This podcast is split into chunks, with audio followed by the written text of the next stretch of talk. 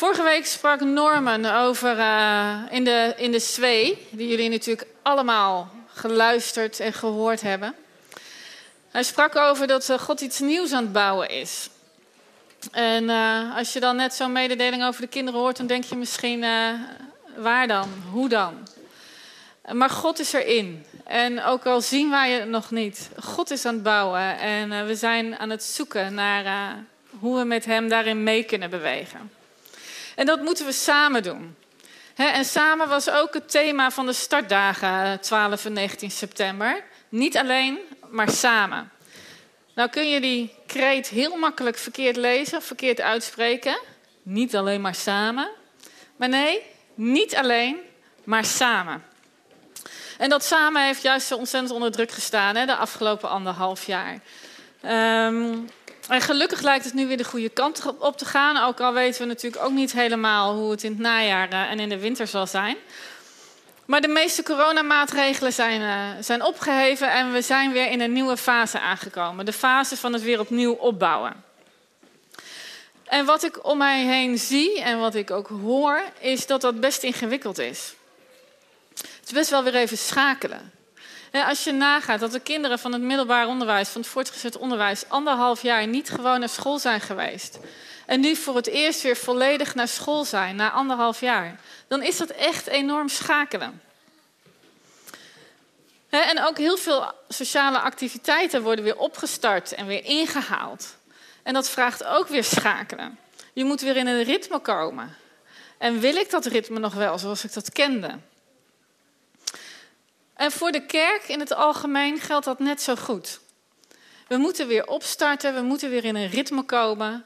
Wat hebben we geleerd van corona? Wat willen we anders doen? Wat willen we opbouwen? En misschien geldt het ook wel voor jouzelf, dat je weer moet zoeken naar een ritme. Wat was het en wil ik dat nog? En wanneer je naar Jezus kijkt, Jezus is bij uitstek iemand die gaat voor het samen. Hij trekt intensief op met zijn twaalf discipelen en hij leeft met ze en hij leert ze en hij onderwijst ze. En steeds opnieuw wijst hij ze op hoe het koninkrijk van God in elkaar zit. En toch, na drie jaar, snappen, snappen ze er soms ook nog maar heel weinig van. En toch zijn dat de mensen die hij de wereld instuurde om zijn koninkrijk te brengen en om zijn kerk te bouwen. Jezus bouwt zijn koninkrijk en hij kiest daarvoor om dat samen met ons te doen. Samen met ons als mensen. En sterker nog, wij zijn daarin een essentieel onderdeel. En daar wil ik vandaag met jullie over, uh, over hebben. Ik wil met jullie een stuk lezen uit 1 Petrus 2. Als je een Bijbel bij je hebt of op je telefoon, dan uh, zoek het even op. Hij komt ook op de beamer. 1 Petrus 2, vers 4 tot en met 9. Voeg u bij hem de levende steen, die door mensen werd afgekeurd, maar door God werd uitgekozen om zijn kostbaarheid. En laat u zelf ook als levende stenen gebruiken voor de bouw van een geestelijke tempel. Vorm een heilig priesterschap om geestelijke offers te brengen die God, dankzij Jezus Christus, welgevallig zijn. In de schrift staat immers, in Sion leg ik een hoeksteen die ik heb uitgekozen om zijn kostbaarheid. En wie daarop vertrouwt, komt niet bedrogen uit. Kostbaar is hij voor die erop vertrouwen. Voor wie er niet op vertrouwen geldt echter, de steen die de bouwers afkeurden, is de hoeksteen geworden. En het is een steen waarover men struikelt, een rotsblok waaraan men zich stoot. Ze struikelden, ze struikelen omdat ze Gods woord niet gehoorzamen. Daartoe zijn ze bestemd. Maar u, u bent een uitverkoren geslacht, een koninkrijk van priesters, een heilige natie, een volk dat God zich verworven heeft om de grote daden te verkondigen van Hem die u uit de duisternis heeft geroepen naar Zijn wonderbaarlijke licht. Petrus roept ons hier op om ons te voegen bij de levende steen, om ons te laten gebruiken als levende stenen voor de bouw van een geestelijke tempel. Nou, misschien als je denkt aan stenen voor een bouwwerk, dan denk je aan de bakstenen zoals we ze die nu kennen. uh, van die fabrieksbakstenen, allemaal keurig van vorm. Ja, precies, zoiets. Maar in de tijd van Jezus werden de bouwstenen anders gemaakt. Allereerst waren er de stenen die met de hand werden gemaakt, waarbij de klei in een mal werd geperst. En die mal die werd dan eerst een beetje gevuld met zand. En dan werd die klei erin geduwd. En de over, de, de, wat overbodig was, werd er dan weer afgeschraapt. En dan werd die mal omgekeerd. En dan had je een ongebakken baksteen, een ongebakken steen. En elke steen werd handgemaakt en elke steen was uniek. En zo kennen we dat ook wel uit de Bijbel. Stenen die werden gemaakt van leem en stro. Maar je had ook stenen en gebouwen die werden gemaakt van stenen uit een steengroeven. Die een huis wat als het ware van rotsblokken werd gemaakt, uitgehakt uit de rots. En je kunt je voorstellen dat die stenen nog veel onregelmatiger van vorm waren en uh, nog veel meer van elkaar verschilden dan die handgemaakte stenen. En dat is waar je aan moet denken als Petrus het heeft over bouwstenen. Handgemaakte stenen of uit de rots gehakte stenen. Allemaal net iets anders, verschillend van vorm en allemaal uniek. Dan de levende steen. Dat is misschien een beetje een vreemde beeldspraak. Hè? Een steen is zo dood als het maar kan. Maar Jezus wordt de levende steen genoemd omdat hij dood was en weer is opgestaan. Jezus is de dode die weer leeft in eeuwigheid. Hij is de levende steen. En niet zomaar een steen, hij is de hoeksteen. En de hoeksteen is een hele belangrijke steen. Want als je een huis of een tempel moet bouwen van stenen die allemaal verschillend van vorm zijn, dan is het belangrijk dat je een eikpunt hebt. En dat is de hoeksteen. Je moet ervoor zorgen dat de hoeksteen als fundament een goed gevormde steen is, die die twee muren aan elkaar kan verbinden. En alle andere stenen worden dan aangepast aan die hoeksteen. Ze worden geslepen, ze worden bijgewerkt, aangevuld om te passen bij en uh, aan te sluiten op de hoeksteen. Dus zo'n hoeksteen werd met enorm veel zorg uitgekozen. En als de steen daar niet voor geschikt was, dan werd hij aan de kant gelegd. Afgekeurd. En dat beeld wordt op Jezus gelegd. De afgekeurde hoeksteen. Iemand die gekruisigd is. Iemand waarvan je zou kunnen denken dat hij zwak is. Die dient in plaats van met kracht heerst. Wat moet je daar nou mee? Maar in de beeldspraak die hier gebruikt wordt, zie je dat God heel anders kijkt en heel anders bouwt.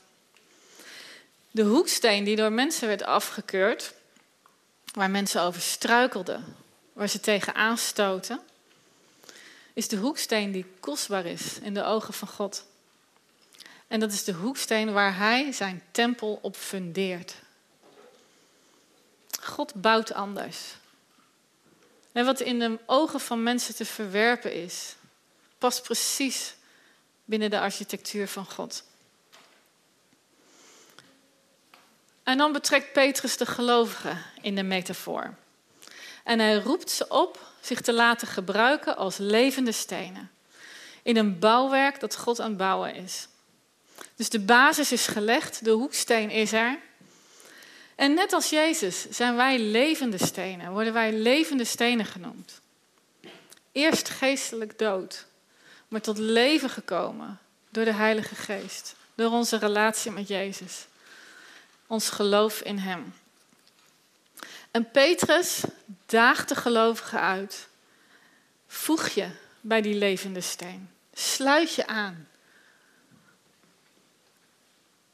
En ook al is het misschien niet de meest voor de hand liggende weg. Want het is ook, die hoeksteen is ook de steen waar mensen zich aan stoten en over struikelen. De kracht straalt er niet meteen van af, Christus, de gekruisigde. Maar Gods kracht werd zichtbaar in zwakheid. Dus je moet leren om door die zwakheid heen te kijken.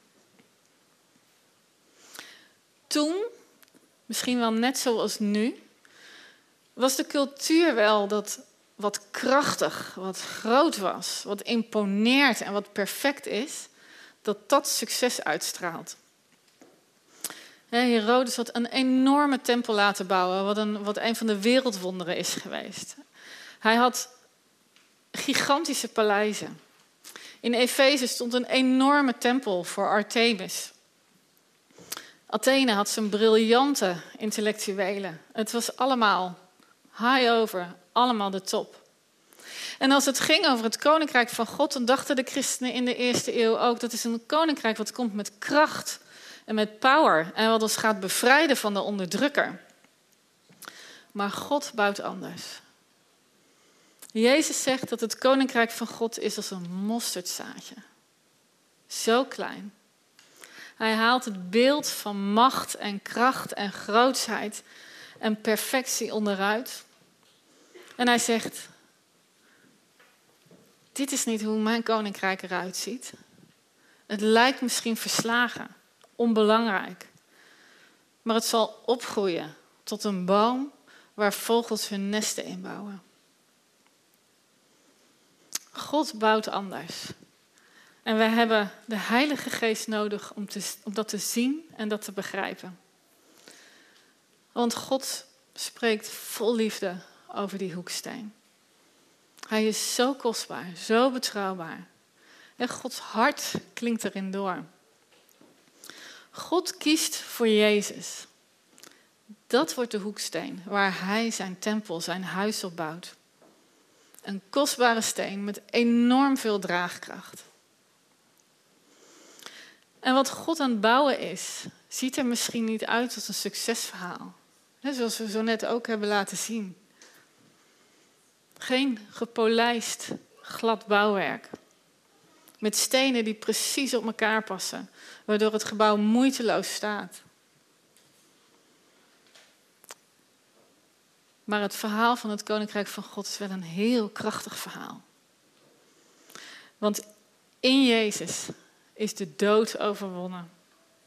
Jezus is gestorven voor onze zonden.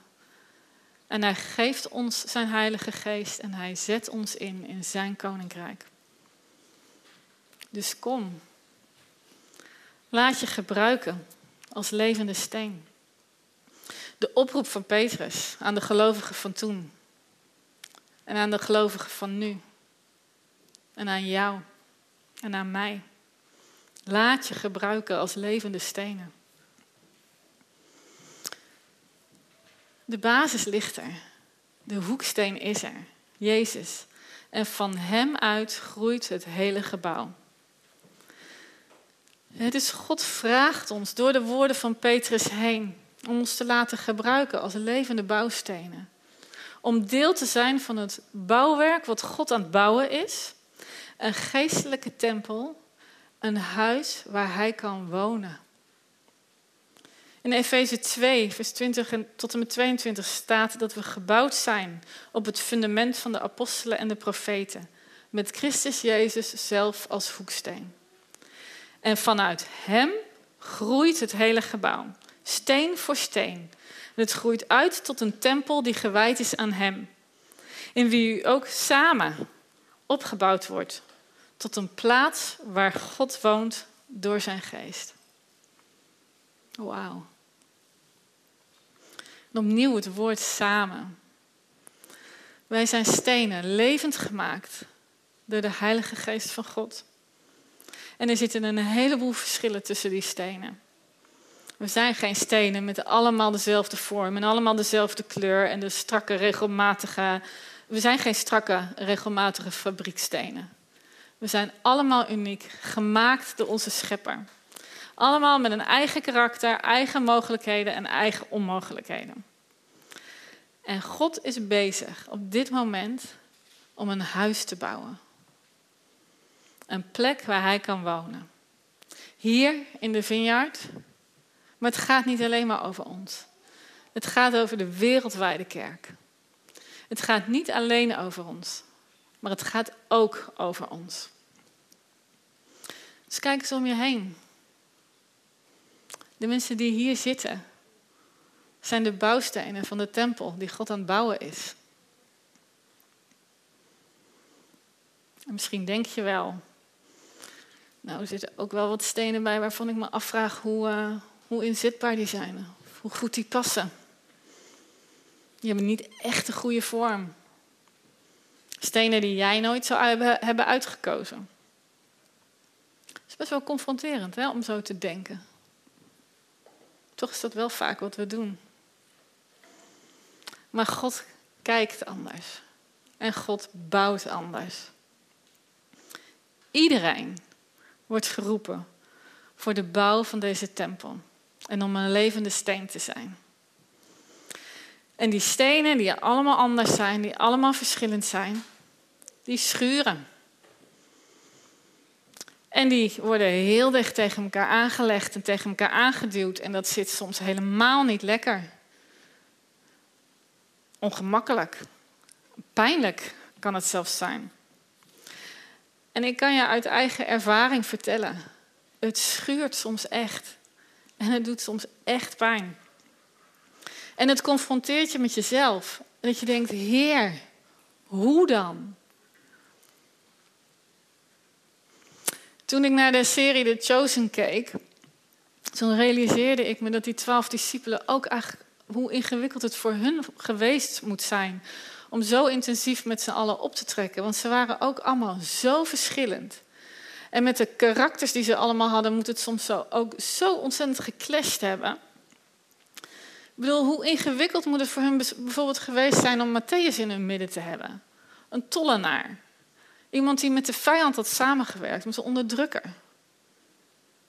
En hoe ingewikkeld moet het voor Matthäus geweest zijn om in die groep te functioneren? En dan zo intensief met elkaar optrekken. Maar wat hun aan elkaar verbond, was Jezus. Ze volgden dezelfde rabbi. Ze volgden dezelfde Heer. En is dat voor ons niet precies zo? We volgen dezelfde Heer. En het schuurt en het wringt en het botst. En we volgen dezelfde Heer. En om dan weer even terug te gaan naar de metafoor, naar de hoeksteen. Het is vanuit de hoeken, vanuit die hoeksteen, dat het gebouw groeit. Die individuele stenen, die worden meer dan aan elkaar aan de hoeksteen gevormd. Ze worden aangepast aan de hoeksteen, zodat het gebouw stevig kan staan. Zodat het gebouw niet wankelt. En de ene steen moet niet aan de andere steen gevormd te worden, maar hij moet gevormd worden naar de hoeksteen, zodat het past en sluit. Het moet gevormd worden naar het fundament van het gebouw. Dus het is helemaal niet de bedoeling dat wij allemaal op elkaar gaan lijken. Het is de bedoeling dat we allemaal op Jezus gaan lijken, op die hoeksteen. Allemaal op onze eigen manier. Het is de bedoeling dat we, ons, dat we aansluiten aan de hoeksteen. Want dan passen we ook aan elkaar.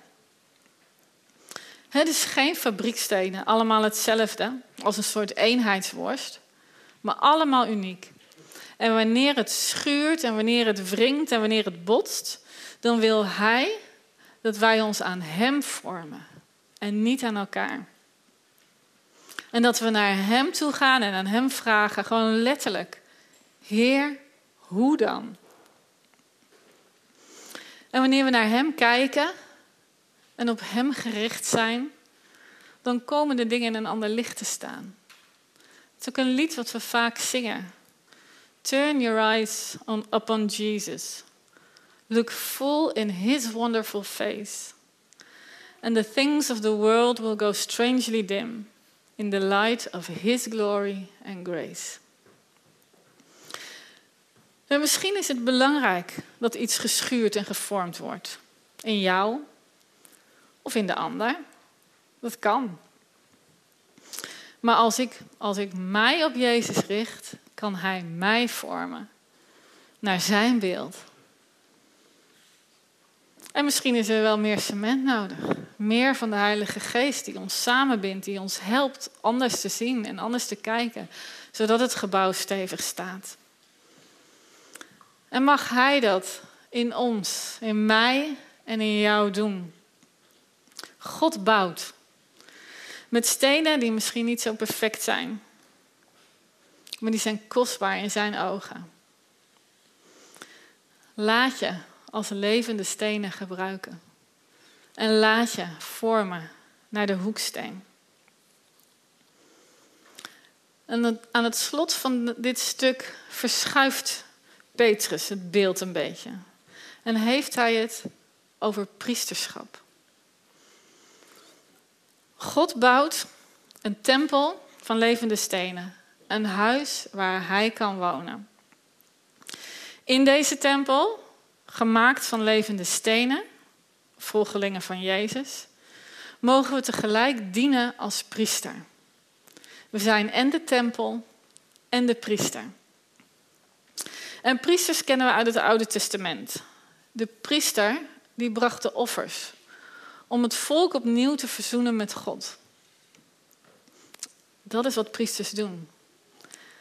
En wij zijn de priesters die het volk opnieuw mogen verbinden met God. Opnieuw in relatie mogen brengen met de Heer. Een koninkrijk van priesters. In dienst van de koning.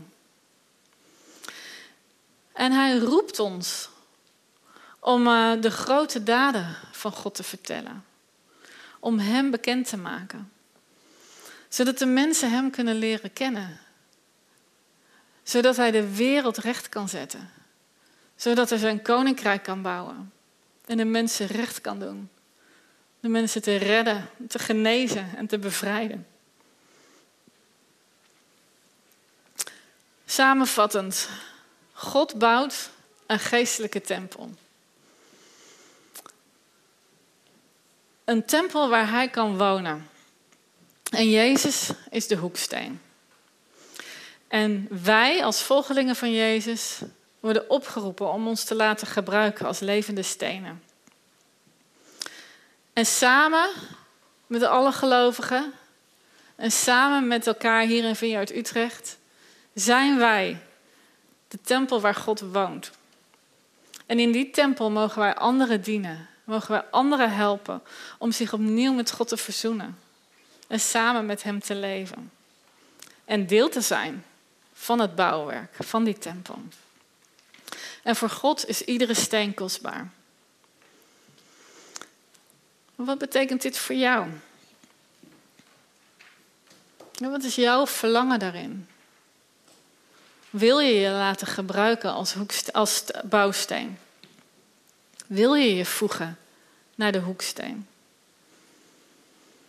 wat roept de oproep van Petrus bij jou op? Verlangen of misschien juist wel meer weerstand? En wat denk je dat God daarover tegen jou zegt? Zullen we met deze vragen samen naar God gaan? Zullen we gaan staan?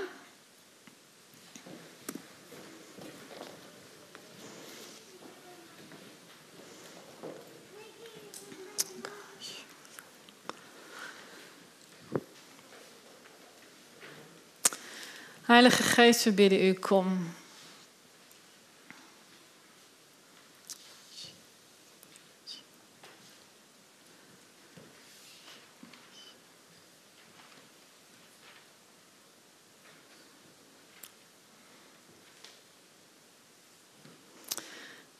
Dank u wel, Vader, voor wie u bent. Vader, hoe gaaf is het dat u een tempel aan het bouwen bent waar u wilt wonen. En dat u die tempel bouwt met ons, met wie wij zijn. Wat een voorrecht, Heer. En we heten u welkom, Heer, in ons midden, in ons hart. Hier zijn we. Gebruik ons.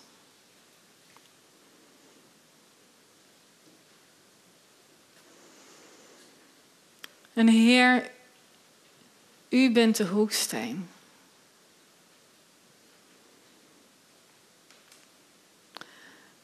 En we willen ons aan u laten slijpen en naar u laten vormen.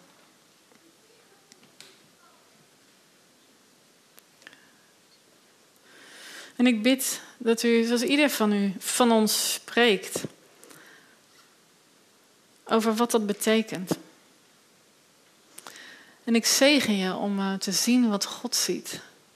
En te ontvangen wat Hij voor je heeft en wat Hij wil doen.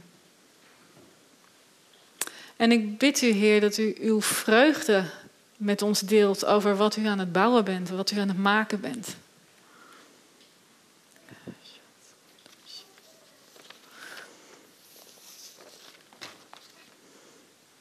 En ik bid dat u ons meer en meer leert om elkaar steeds opnieuw naar Jezus te wijzen in plaats van naar elkaar. En waar jij misschien hebt gevoeld dat je moest passen in de mal van mensen, in plaats van dat je moest aanpassen aan of vormen naar het beeld van Jezus, dan bid ik Heer dat u nu komt met uw Heilige Geest. Met uw waarheid en met uw herstel en uw genezing. En ik zegen jullie om uh, deze week met God in gesprek te zijn. En je oren en je ogen open te houden voor wat Hij tegen jou wil zeggen over de tempel die Hij aan het bouwen is. In Jezus' naam. Amen.